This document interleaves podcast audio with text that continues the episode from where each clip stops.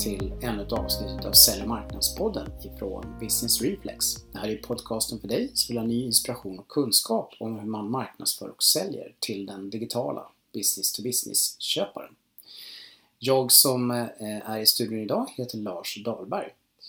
Som eh, marknadsför marknadsförare och säljare så behöver vi ju hela tiden leta efter nya sätt att möta den här digitala B2B-köparen.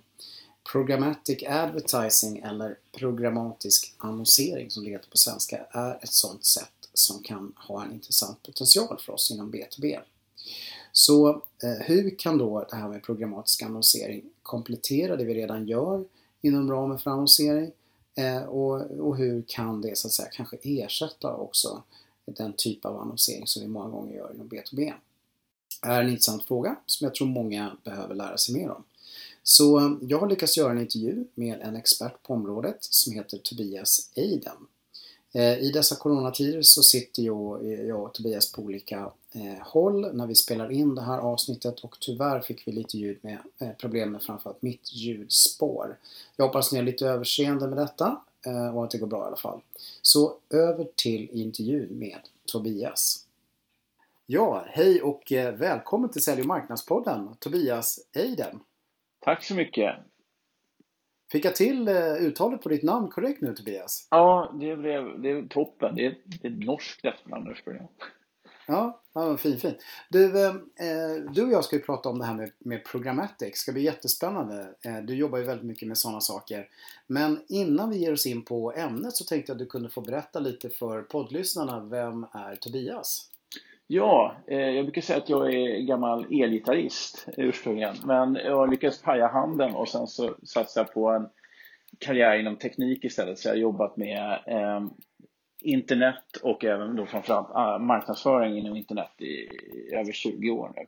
Och eh, strax innan jag drog igång då eh, den här byrån Dimension 46 som jag eh, jobbar på nu eh, så drev jag eh, den svenska internetvalutan KIA Index i sex år.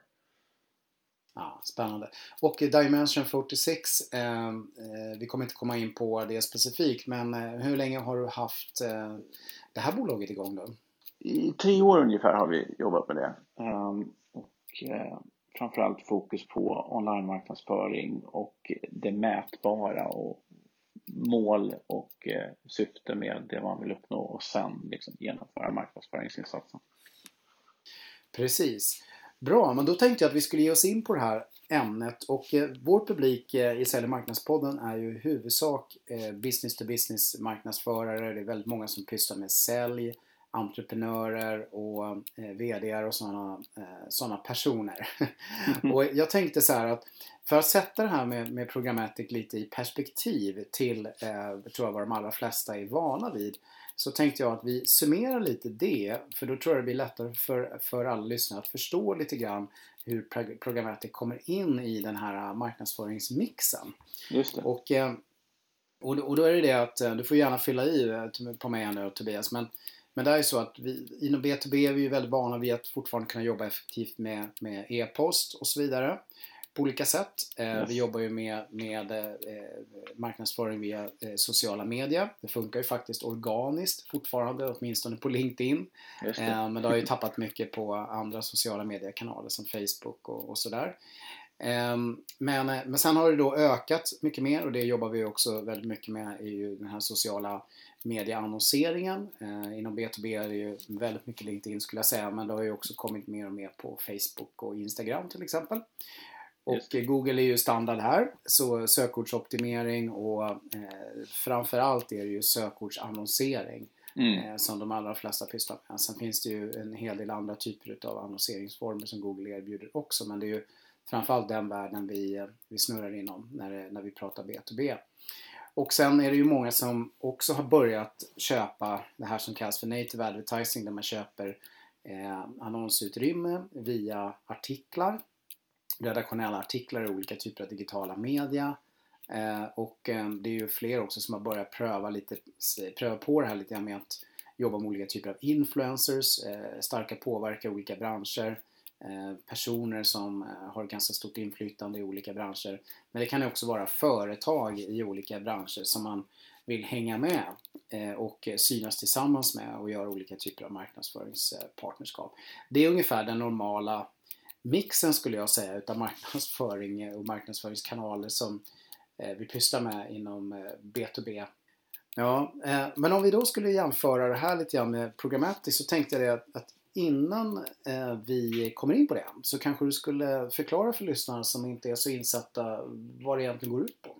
Eh, den här korta pitchen på. Vad är, vad är Programmatic egentligen? Ja, eh, det är en bra fråga. Eh, så om man tänker sig att man går längs med Drottninggatan en dag så är det ju massvis med folk där i vanliga fall, kanske inte just den här, den här tiden. Men, men, Nej, men de är på, hemma på nätet. De är hemma och de är på nätet. Mm. Men en, en dag för ungefär ett år sedan så går man längs med Drottninggatan och det är fullt med folk och eh, tänker er att det då är helt enkelt kan vara folk i olika åldrar, från olika länder och med olika intressen. Och det, där är någon som går där borta som är intresserad av en resa. Det är någon som kanske tänker på öl. Det kanske är någon som tänker på att köpa en ny skjorta och någon känner att den är på väg hem och är lite för sen, eh, försenad helt enkelt för att ska hämta sina barn från skolan. Så alla de här människorna har olika tankar och olika intressen och vill ha olika saker för tillfället. Och Programmatic är en teknik där man kan plocka ut de man är intresserad av. Alltså de till exempel som var intresserade av öl, de kan vi kanske plocka ut och försöka visa ölannonser för. Eller någon som är intresserad av någon typ av konsulttjänst som springer där borta längst uppe. Den personen vill vi visa en konsulttjänstannons för. Så kan man Precis. Ja. Precis, och det är ju ganska svårt i den här fysiska världen på Drottninggatan. Där är det ju bara att tuta på. Samma budskap till alla. Exakt. Eh, så alla kanske inte är intresserade av laxplanka och en stöl. Som, som är ett av, ett av få budskap som syns där. ja, den har jag faktiskt sett själv tror jag. När jag promenerar på Drottninggatan. Utan eh, så, så, hela idén är då att, att gå ifrån det här med att skicka ut samma sak till allihopa och rikta sig mot dem som faktiskt är intresserade av det du kan eh, eh, presentera, det du vill sälja helt enkelt. Ja, och så gör man det i den här digitala världen. Och det är ju självklart då så att det är ju eh, otroligt eh, komplext naturligtvis. Och det finns så otroligt många ja, många som vill synas eh, och det finns otroligt många ställen att synas på och det finns otroligt många, många människor att synas för. Mm. Så därför blir det här viktigt. Men om vi ska komma in på det då. Varför behövs då det här nya sättet, eh, Programmatic? För det är ju ändå ett relativt nytt sätt, eller hur? Ja, det är det ju i, i, i grund och botten. Och vad man kanske glömmer bort ibland det är ju att internetannonsering per se är, så att säga, det är ju ganska nytt. Och för bara 25 år sedan så trodde man att, att spam, det vill säga bara mula ut mejl till allt som rör sig med olika typer av erbjudanden. Det trodde man, det var liksom framtiden eh, för direktreklam så att säga. Så att det har ju hänt rätt mycket sedan dess. Eh, och eh, i början var det ju också så att det fanns, det fanns så få webbplatser så det fanns liksom ingen anledning inledningsvis att behöva söka på nätet utan man kunde ju liksom de, de webbplatser man, man, som ens existerade de, de, kunde man ju gå, eh, gå till bara genom att minnas dem eller ha ett bokmärke. Så att säga. Men eh, över tid så har det där utvecklats och, och eh, eh, tidigt så var det också så att när man skulle annonsera på nätet så var det så att man, man skapade en banner Eh, eller man anlitade kanske en reklambyrå som kunde ta fram en banner åt en. Och sen så skickar man ut den då till den webbplats som man vill annonsera på. Och skulle man annonsera på mer än en sajt så fick man ta fram då eh, kanske flera olika annonser för att de skulle gå att använda på båda de här tre eller fyra eller fem olika sajterna. Och sen så köpte man ju då en annons eh, som då skulle ligga kanske en eller två eller tre veckor. Eh, I vissa fall då liksom månadsvis. Eh, och betala så att i princip ett fast pris för den annonsen då.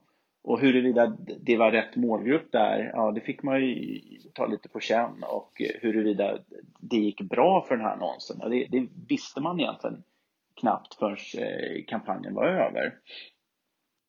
och det, det, är det, här, det, det, var det här man ville så att säga, råda bot på när det, gäller, när det gäller den här tekniken med programmatik, Man ville automatisera eh, hanterandet av annonser, man ville kunna annonsera på många olika sajter eh, på en och samma gång och på ett mätbart sätt. Eh, så det här för ungefär tio år sedan, lite drygt, så började det då komma fram den här typen av tekniker för att kunna automatisera hanteringen och då eh, även börja liksom köpa en annonsvisning i taget kan man säga. Och nu idag så, så är det miljontals webbplatser som är uppkopplade eh, så att de går att handla på då, programmatiskt. Eh, och i, i USA så har man ungefär 85% av all display eller bannerannonsering då sker, sker via eh, programmatisk teknik. Och i Europa är det något lägre men det är en stor andel där. också. Och det är ju också mycket därför jag kände att det här är jätteviktigt att vi tar upp i eh, Sälj marknadspodden. För det är fler och fler som behöver förstå eh, det här, hur det här fungerar och när det här passar och, och hur det här kan komma in och bli, bli lämpligt eftersom det eh, har blivit ett så stort, eh, stort fenomen. Men eh, om jag tänkte gå vidare då, förklara lite mer sådär eh, Tobias, hur fungerar det här med programmatik lite övergripande då när man, när man jobbar med det som eh, annonseringskanal?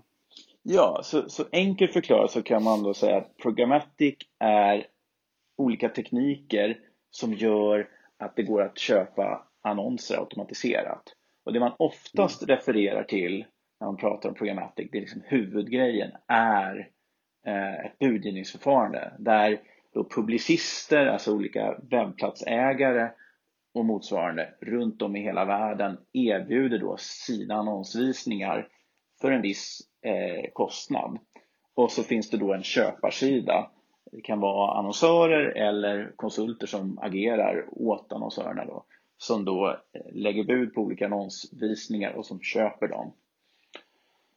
Och till det här så läggs då eh, olika typer av data. Det kan vara tid på dygnet, det kan vara geografi, det kan vara olika typer av tredjepartsdata, eh, till exempel olika typer av intressen man kan tänka sig att man lägger på eh, vilken typ av kategori den här webbplatsen är eller eh, andra saker. Det kan vara saker som ska ha så att säga, fallit in, till exempel att man har besökt andra typer av liknande sajter tidigare och så vidare. Allt det här gör att man tillsammans kan då skapa eh, väldigt eh, effektiva sätt att nå då olika målgrupper på. Mm. Tillbaka till analogin med Drottninggatan helt enkelt. Ja men precis. Precis så. Mm. Eh, man vet mycket mer om de som är de potentiella personerna man vill annonsera mot eh, eh, via data så att man kan styra annonseringarna med hjälp av det när man lägger upp det här och bygger upp de här annonskampanjerna. Eh, och eh, eh, om, om, vi går vidare då och konkretiserar lite mer det här med, med vilken typ av medier egentligen vi pratar om här. Ja, så eh, man kan säga att en stor del av dagens annonsfinansierade webbplatser, de säljer sitt inventarie, det vill säga sina annonsvisningar programmatiskt. Eh, och det rör ju då både då det vi kallar för banners, men även då olika typer av videoannonsering som då olika eh, sajter erbjuder. Eh, och sen så Ja, så, så, så, att om man tar ett så att säga, svenskt exempel så kan man tänka sig att det är allt ifrån de stora svenska annonsfinansierade nyhetssajterna till eh, liksom en superliten blogg och marknadsföring som eh, visar sig i Jukkasjärvi till exempel. Men mm. tänk då på, på att eh, internet är ju så att säga, det är världsomspännande förstås och alla webbplatser runt om i, världen i princip som är annonsfinansierade går på något sätt att, att då köpa annonsvisningar på programatiskt. Hur går det där till då? då? Så att man kan eh, köpa annonsutrymme ifrån de här olika webbplatserna? Ja, helt enkelt så, så eh, kopplar de sig mot Eh, så att säga, en säljplattform och den brukar eh, sitta ihop med deras eh, annonspubliceringsverktyg då, så att säga. Eh, och den här säljplattformen i sin tur är då kopplad till en annonsbörs som i andra sidan då är kopplad mot eh, köpplattform där, där då annonsköpare sitter och bygger upp eh, kampanjer som, som passar för just deras Eh, så att säga, för att nå deras målgrupper och för att, eh, eh, så att säga, försälja det de är intresserade av. Ja, bra förklaring tycker jag. Det alltid så här man sitter i en podd. Hur ska man förklara det där? Hur det hänger ihop? Men jag tycker du lyckades med bra faktiskt Tobias. Det var bra. Jag hade tur. Eh, man kan inte ha några infografer och andra fina saker. Men eh, det gick bra tror jag. Jag tror att lyssnarna hänger med. Annars så får man spola tillbaka och lyssna på den här beskrivningen igen. Men jag, jag kände att det där fick du till bra pedagogiskt. Ja. Eh, men vad är det för typer av annonser? Du pratar banners här. Men, men kan du konkretisera det eh, också lite mer? Eh, och vilka syften man kanske gör annonserna för och så? Ja, eh, ja vi pratar ju mycket om, om banners här. Det, det, är ju, det är ju lejonparten av eh, programmatisk marknadsföring är ju i, i dagsläget eh, banners och videoannonsering. Eh, mm. Så om man tänker sig banners så det finns ett antal olika format eh, och det har, på, det har blivit mycket mer standardiserat de senaste åren. Så från att det tidigare var så att det fanns du skulle annonsera på någon specifik sajt om sportmotorcyklar, ja, då hade de ett eget annonsformat som de tyckte var, var extra fint. Och skulle du annonsera på en helt annan webbplats eh, eh för eh, datorintresserade, ja men då, då körde de med något annonsformat som de tyckte passade in för sin sajt. Men nu har man standardiserat det där så man kommer rätt långt. Vi, vi brukar rekommendera att man tar fram sex annonsformat och det kanske låter mycket men då kan du så att säga komma ut på ja, men du vet, hundratusentals eller miljontals olika webbplatser. Då, normalt mm. sett. Ja, det är väl, antagligen så har väl det här äh, standardiseringen drivits på hela den här grejen naturligtvis. För det blir ju jobbigt om det finns alldeles för mycket olika typer av format. Dels att få sälja något, men det är mycket jobbigare att köpa något också.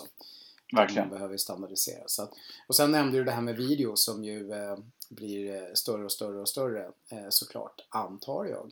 Ja, absolut. Eh, och där är det ju en jättefördel att jobba programmatiskt därför att eh, inventariet, och så att säga, videoinventariet i, i Sverige är förhållandevis begränsat skulle jag säga. Eh, det ökar väl hela tiden så att säga men, men, men i och med att videotittandet online ökar. Men eh, där är det en fördel att kunna nå då eh, business to business målgrupper eh, programmatiskt då Därför att du tänkte så här att du, du får ut din videoannons på, låt säga New York Times. När det så att säga är, är, är fullt, låt oss säga, på, i just din målgrupp eh, på svenska webbplatser så, så finns det gott om andra webbplatser runt om i världen som är så att säga, lediga när det gäller svenskt inventarium. Och då, då riktar man alltså in sig på eh, folk som har svenskt IP-nummer. Så att du når så att säga bara svenskar. Du kan också göra inställningar som att, att man ska ha svenskt språk inställt i din webbläsare och så vidare. Så det finns massor med mm, Trots att själva mediaplatserna eller ja, annonsplatserna är så att säga på helt andra ställen på jorden än i Sverige. Och det här gäller naturligtvis inte bara Sverige utan har du en, en kund mm. som jobbar i, från Kenya så kan det naturligtvis vara supersmidigt att använda eh, eh, programmatiskt eh, Eh, marknadsföring där också så att säga och då gör man på samma sätt då. Eh, det som brukar skilja mellan olika eh, länder är vilken typ av data som finns tillgänglig. Det är ju inte bara ehm, lagar och regler utan det är också vad som, vad som finns tillgängligt eh, via tredje part till exempel. Mm. Om, ja, vi touchar lite på det här. Jag tror man börjar förstå lite mer om när det kan vara lämpligt att använda. Men jag tänkte om du skulle gå in och börja exemplifiera det lite mer kanske. När är det lämpligt att använda som, som ett eh, komplement eller istället för de mer traditionella grejerna inom B2B som eh, jag drog i början där. Vad skulle vi säga då Tobias? Ja, eh, jo men om man bara pratar lite generellt då så kan jag säga att, att eh, om du använder programmatisk marknadsföring så, så, kan du fokusera mer på vilken målgrupp du vill ha snarare än vilken mediekanal eller webbplats.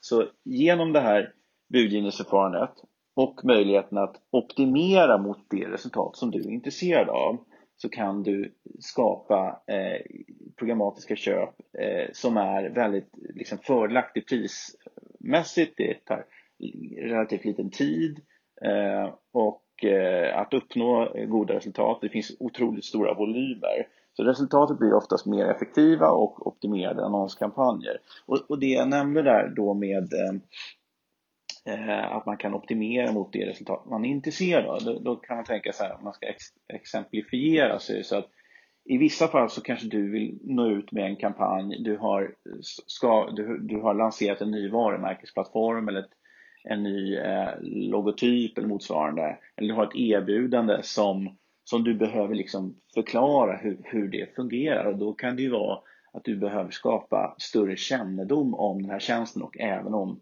varumärket, hur, hur det nu eh, har börjat se ut mm. efter den här eh, så att säga, logotypförändringen. Låt säga.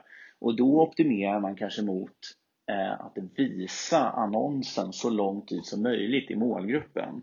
I annat mm. fall så kan det handla om att optimera mot att få så många klick som möjligt till exempel till mm. webbplatsen. Mm.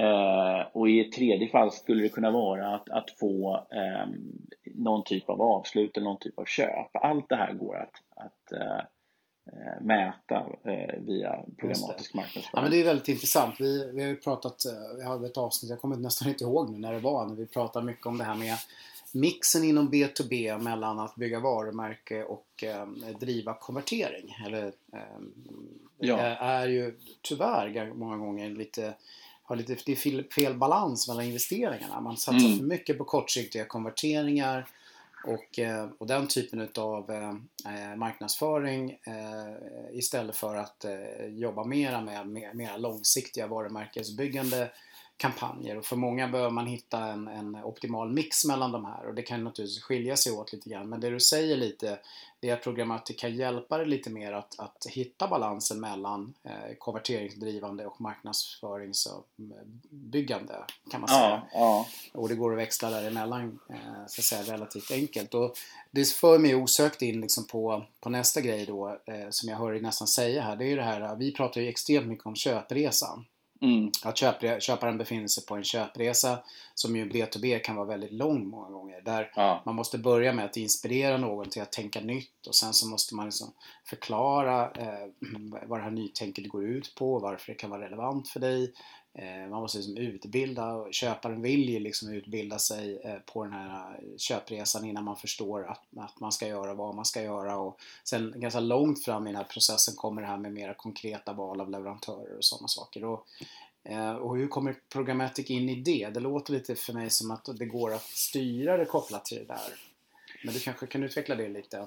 Absolut, och det går ju, det går ju alltså att använda programmatiskt genom hela resan. Det går ju till exempel att eh, eh, bestämma en ordning på vissa eh, budskap eller annonser så att när, du, när en, en eh, användare så att säga, har sett e-, ett budskap som handlar om så här först eh, först eh, behöver du köpa in den här varan låt oss säga. Och sen så när, när, när man vet att den här användaren har sett det budskapet, då kan man visa ett annat budskap.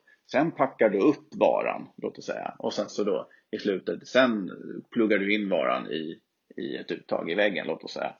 Eh, så det mm. kan vara, eh, det, det, kan vara så att säga, en, eh, du kan föra den här eh, användaren, den här tilltänkta blivande kunden då genom så att säga en, Logiska steg liksom. Ja, mm. precis. En customer journey eller vad du vill, vill, vill kalla det för. Eller berätta en historia genom en, en specifik sekvens på eh, annonser eh, till exempel. Um, mm. Och du kan ju, låt oss säga, eh, ha olika budskap beroende på hur långt fram i en registreringsprocess eller motsvarande som, som den här potentiella kunden kom. Mm. Den typen. Så, så, det finns ganska många sätt att, att jobba med det här. Men, men det man ska komma ihåg är, precis som du nämnde, det är ju att, äh, att bygga varumärke är ju är ju väldigt viktigt. Och, ehm, och eh, det är svårt att välja en produkt som man inte från ett märke mm. som man inte visste fanns så att säga. Ja, exakt. Precis, man måste ha någon form av trovärdighet först innan man vågar göra ja, eh, Men en annan intressant aspekt som du touchar lite på som jag tänker mig det är ju det här med den internationella aspekten. Eh, geografiskt, eh, internationellt, att det går att styra eh, ja, du var inne på det att, att är man svensk så kan man få se liksom, svenska annonser fast på sajter runt om i världen. Och eh, självklart då kan man ju få människor på andra marknader att se de här annonserna om du är svensk. Om man säger så. Ja. Eh, vilket ju inte alltid är så lätt att åstadkomma eh, många gånger. Eh, att styra det liksom effektivt geografiskt. Ehm, ja, ehm, något annat ehm, utifrån perspektivet om man skulle jämföra med ja, någon av de här sociala medieföreteelserna vi pratade om inledningsvis som LinkedIn till exempel.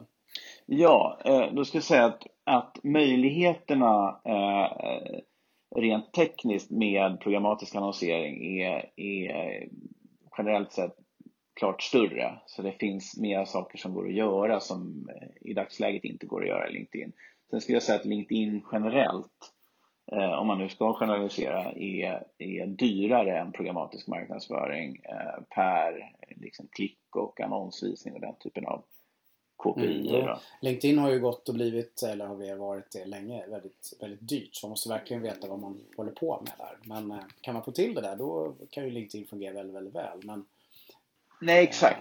Precis så. Det, det, det, är en viktig poäng att om, om, om, om du ser till dig själv, hur du själv använder LinkedIn och eh, hur mycket tid du spenderar där kontra hur mycket tid du spenderar i andra digitala medier under en dag eller en vecka eller en månad så, så tror jag att de allra flesta ser att det är en väldigt liten del av tiden som spenderas på LinkedIn medan en ganska stor del av arbetsdagen på olika sätt då eh, handlar om informationssökning och så vidare som, som då hamnar eh, ute på, på nätet. Så det finns ett väldigt stort inventarie och en väldigt stor del av eh, tiden eh, som så att säga finns tillgänglig för då företag att nå eh, B2B-intresserade, eller säga, men, eh, eh, kunder helt B2B enkelt. Köpare. Mm, ja. Exakt.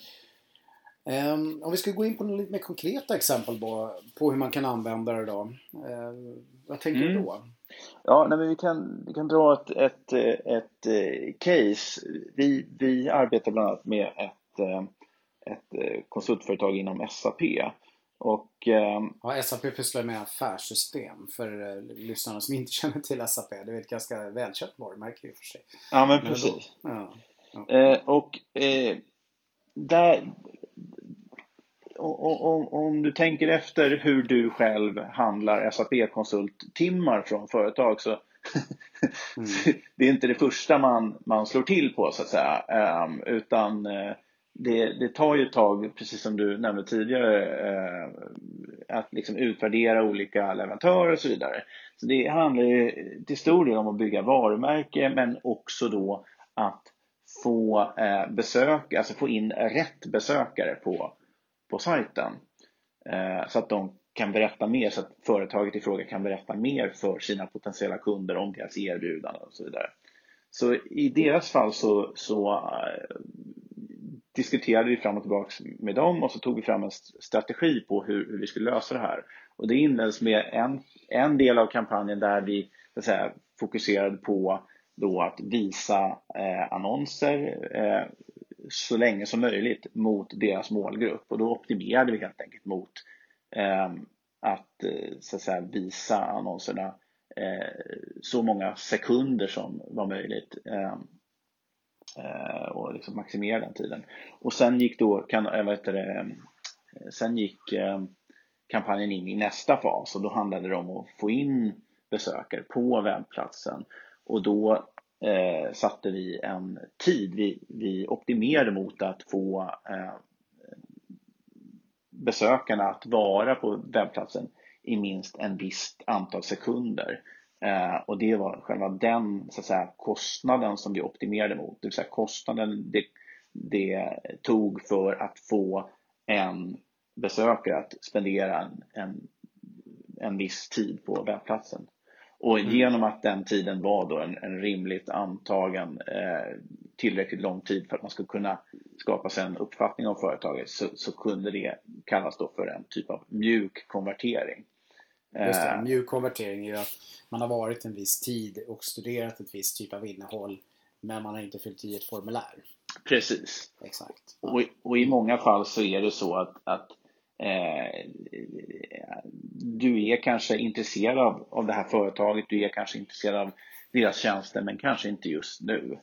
Eh, mm. Men sen om en vecka, en månad eller, eller två så blir det relevant och, och då, då är man top of mind. Mm. Om vi skulle gå vidare lite grann. Den här jättesvåra frågan, jag vet, att den är inte är så lätt för dig att svara på, men om du ska säga någonting om hur, hur det kostar eller vad, man, ja, vad är det man betalar för? Eh, och sen tänkte jag att vi skulle komma in på eh, lite konkreta tips på hur man skulle kunna komma igång om man vill prova. Men, eh, vad säger du Tobias? Ja, vad kostar det? Ja, men det, det, är en, det är en bra fråga. Eh, det brukar finnas en plattformskostnad, det vill säga en kostnad för vad det kostar att, så att säga, hyra in sig i tekniken kan man säga. Och sen brukar det finnas en kostnad för hantering av kampanjen. Ehm, och båda de kostnaderna generellt brukar vara en procentandel av mediapengen. Så om du lägger 50 000 kronor på en kampanj så brukar de två kostnaderna så att säga vara inräknade i den pengen. Då. Just det, så man, man lägger en annonseringsbudget och så finns det en plattformskostnad och en hanteringskostnad. Exakt. Just det, okej. Okay. Ja, och hur mycket pengar man behöver det beror ju då självklart på vilket, hur mycket synlighet man vill ha, hur mycket klicks man vill ha och, och, så, och hur stor målgruppen är och, och så vidare och så vidare. Och hur länge och så vidare. Och bla, bla. Ja. Exakt. Men om man skulle vilja prova på att komma igång då? Om man inte har gjort det här förut. Eh, vad skulle du säga? Vad är det man behöver tänka igenom innan man, innan man kan liksom göra ett provskott? Ja, jag Börja med att fundera över vad, vad, vad, du vill åstadkomma för ditt varumärke och ditt företag. Vad, är det mer försäljning du vill, vill skapa? Är det ett nytt eh, erbjudande du vill få ut? Är det, har du så att säga ändrat eh, ditt varumärke eller motsvarande? Eller har du kanske gått ihop med ett annat företag? Börja där någonstans och fundera vad är, vad är syftet? Vad är, vad är det du vill göra? Och där någonstans eh, där tar du, får du jättegärna ta kontakt med mig eller någon av mina kollegor på Dimension 46. Ehm, och eh, då kan man titta in på vår hemsida www.dimension46.com mm, eh, Vi kan länka till er där såklart. Ja. Eh, och, och, då får man liksom ha en kreativ diskussion helt enkelt. Exakt. Och, och, och där är det superviktigt att eh, som sagt vara överens om vad syftet är och sen hitta KPI för att mäta det här. Vad, alltså det är jättelätt att säga så här, men vi, vi vill sälja mer, men hur ska, det, hur, ska vi, hur ska vi veta att den här kampanjen gick bra? Det brukar vi mm. ställa oss frågan mm. innan vi drar igång. Och när vi väl har bestämt oss för hur, hur vi vet det, då ser vi till att vi har en sån mätning på plats. Och sen drar vi igång kampanjen. Just det. Och då kan man också ha ett resonemang om budgetnivåer för att det ska vara rimligt att eh, kunna komma igång och, och röra sig mot resultatmålen helt enkelt. Exakt. Eh, bra, du har två till frågor. Vi, vi avrundar här Tobias. Det är, har du något tips där man kan få lära sig lite mer och eh, hur kommer man i digital kontakt med dig? www.dimension46.com är rätt uppenbart. Men om man vill komma i kontakt med dig personligen har du några lära mer-tips? Eh, bra. Eh, eh snabbt bara hur man kommer i kontakt med mig. Antingen så mm. kan man skicka eh, en eh, connection, vad heter det nu? nu en connection på LinkedIn. man kan connecta till mig på LinkedIn. Ja, Tobias Eidem. Erik Ivar David Erik Martin stavas det. Har jag ja, det är relativt unikt namn där, så jag ska man kunna hitta dig. Ja, du det blir medie baklänges, det är det viktiga. Okej, ja just det, precis. Cool. Uh, och sen om man vill eh, lära sig mer uh, så, så finns det, jag ska, jag, jag, ska gräva fram, det är svårt att, att ah, ja, vi kan länka till det i ja, precis. Jag, ut, jag fixar några vettiga ja. länkar så kan man förkovra sig lite grann. I detta jättebra. spännande fenomen. Men eh, eh, du Tobias, var, du ska ha ett stort tack för att du tog dig tid att vara med och eh, gav den här pedagogiska beskrivningen av Programmatic och även satte dig lite i perspektiv tror jag för många B2B marknadsförare och B2B-säljare. Eh, så att de förstår det här lite bättre och vilka möjligheter det skulle kunna innebära. Så jag skulle vilja tacka dig så jättemycket för att du tog dig tid att hoppa med här. Och det vart inte en inspelning i våran studio som du och jag hade hoppats på från början utan det blev på varsin kant. Men det gick ju bra i alla fall. Jag tycker det. Det var jättetrevligt att få vara med. Stort tack till dig också. Och eh, till publiken ska jag bara vilja säga som vanligt, vad ni än gör där ute så ska ni se till att vara rädda om er i dessa tider och eh, relevanta. Tack och hej!